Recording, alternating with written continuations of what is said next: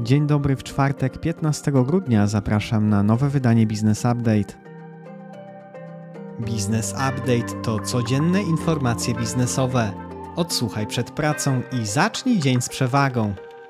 Wczoraj na giełdach nie było widać optymizmu. W Warszawie bez większych zmian w Stanach Zjednoczonych indeksy traciły do 1% po informacji o podwyższeniu stóp procentowych przez Fed. Nieco tanieje dolar. W czwartek rano płacimy za niego 4,39.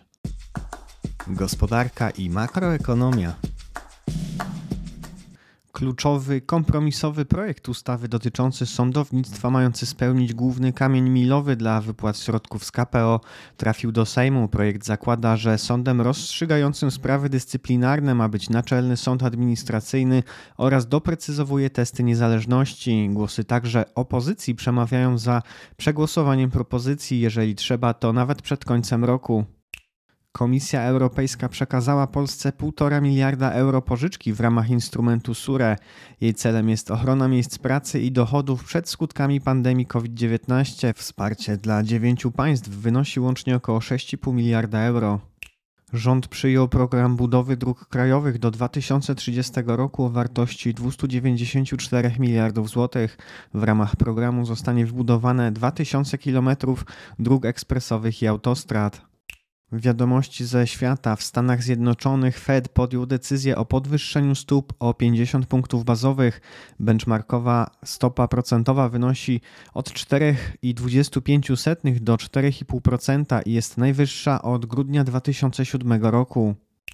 Chiny pracują nad pakietem wsparcia o wartości ponad 143 miliardów dolarów dla przemysłu półprzewodników. Jest to ważny krok w stronę wyprodukowania niezbędnej liczby chipów i przeciwdziałania polityce Stanów Zjednoczonych mającej na celu spowolnienie chińskiego postępu technologicznego.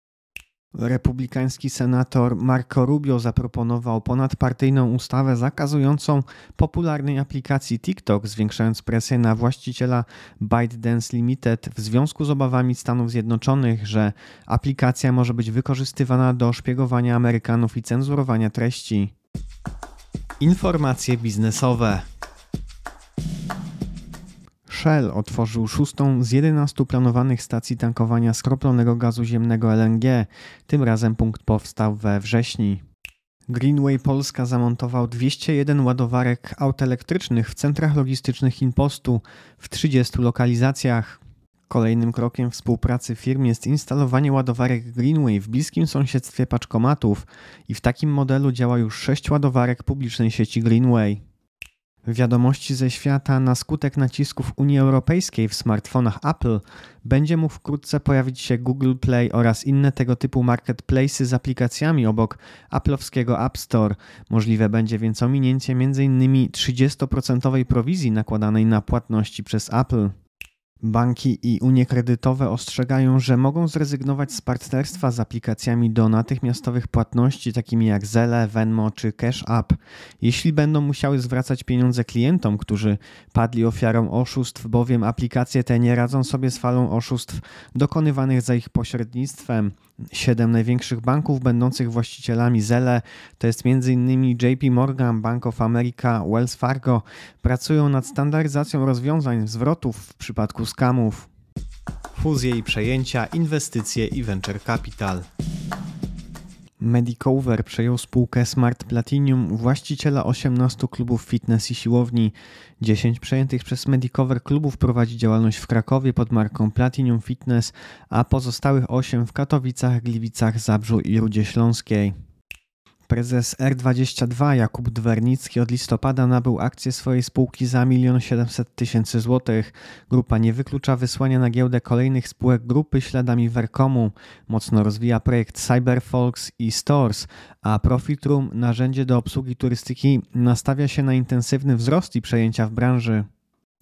Grupa Centrum CBT, posiadająca 16 poradni psychologiczno-psychiatrycznych i szkołę psychoterapeutyczną, pozyskała nowego, większościowego, nieujawnionego inwestora. Spółka za pozyskane środki będzie rozwijała sieć placówek i działalność edukacyjną. Grupa CBT miała w zeszłym roku 12 milionów złotych przychodów i 1 200 tysięcy złotych zysku. Posiada placówki w Warszawie, Łodzi i Trójmieście.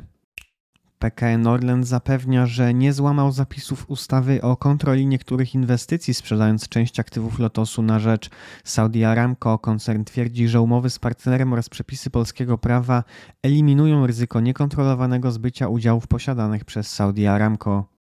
Główni akcjonariusze Ed Invest, zajmującego się budownictwem mieszkaniowym głównie na rynku warszawskim, sprzedali na rzecz Vesper Capital prawie 8 milionów akcji spółki stanowiących 62% kapitału zakładowego i głosów na walnym zgromadzeniu po 4 zł i 8 groszy za akcję. Wiadomości z Unii Europejskiej niemieckie Deutsche Bahn AG jest coraz bliższe decyzji o sprzedaży swojej jednostki logistycznej DB Schenker. Firmie zależy na transakcji, która mogłaby wycenić dywizję na około 20 miliardów euro. Fundusz Venture Capital Speed Invest ogłosił 500 milionów euro w nowych funduszach na wsparcie europejskich startupów technologicznych, 300 milionów euro na czwarty fundusz Pre-Seed i Seed oraz 200 milionów euro na inwestycje w firmy znajdujące się już w portfolio. Prawo i podatki. Dyrektor Krajowej Izby Skarbowej poinformował, że prawnikom nie przysługuje prawo do odliczenia od przychodów wydatków poniesionych na psychoterapię. Stwierdził, że praktycznie każda praca wywołuje stres, a wiele zawodów wiąże się z jeszcze większą odpowiedzialnością niż zawód radcy prawnego. Sejmowa Komisja Nadzwyczajna do spraw deregulacji wprowadziła rozwiązanie dotyczące osób prowadzących drobne biznesy. Od lipca przyszłego roku nie będą one zobowiązane do zakładania działalności gospodarczej, jeżeli ich przychody w żadnym miesiącu nie przekroczą 75% kwoty minimalnego wynagrodzenia za pracę. Dyrektor Krajowej Izby Skarbowej poinformował, że nie jest możliwe odliczenie opłat licencyjnych za korzystanie z wirtualnej kasy fiskalnej będącej oprogramowaniem. Ulga nie przysługuje również na zakup urządzenia, na którym zainstalowano to oprogramowanie. Kasą wirtualną nie jest fizyczne urządzenie, więc nie ma tutaj mowy o uldze w VAT wiadomości z Unii Europejskiej. Sąd Unii Europejskiej orzekł, że jeżeli w zgłoszeniu dotyczącym zastrzeżenia unijnego znaku towarowego zawarty został słowny opis oznaczenia, powinien on przyczynić się do uściślenia przedmiotu i zakresu ochrony, o którą się występuje. Opis ten nie powinien jednak być sprzeczny z dołączoną grafiką. Trybunał Sprawiedliwości Unii Europejskiej uznał, że jeżeli przedsiębiorca zawarł niedozwolone postanowienie o karze umownej w ogólnych warunkach umów, to nie można zamiast niej dochodzić odszkodowania na podstawie przepisów o odpowiedzialności odszkodowawczej. Rada Unii Europejskiej przyjęła jednolite stanowisko w sprawie nowego rozporządzenia mającego na celu regulację działania sztucznej inteligencji. Tak zwany AI Act ma poprawić funkcjonowanie rynku wewnętrznego poprzez ustanowienie jednolitych ram prawnych oraz zapewnić wysoki poziom ochrony zdrowia, bezpieczeństwa i praw podstawowych. Wiadomości rynkowe. W listopadzie materiały budowlane były droższe o 20% rok do roku, gdzie w drugim kwartale podwyżki sięgały nawet rzędu 35%. Według rynek pierwotny.pl ceny ofertowe grupy PSB szósty miesiąc z rzędu tanieją lub nie zmieniają się.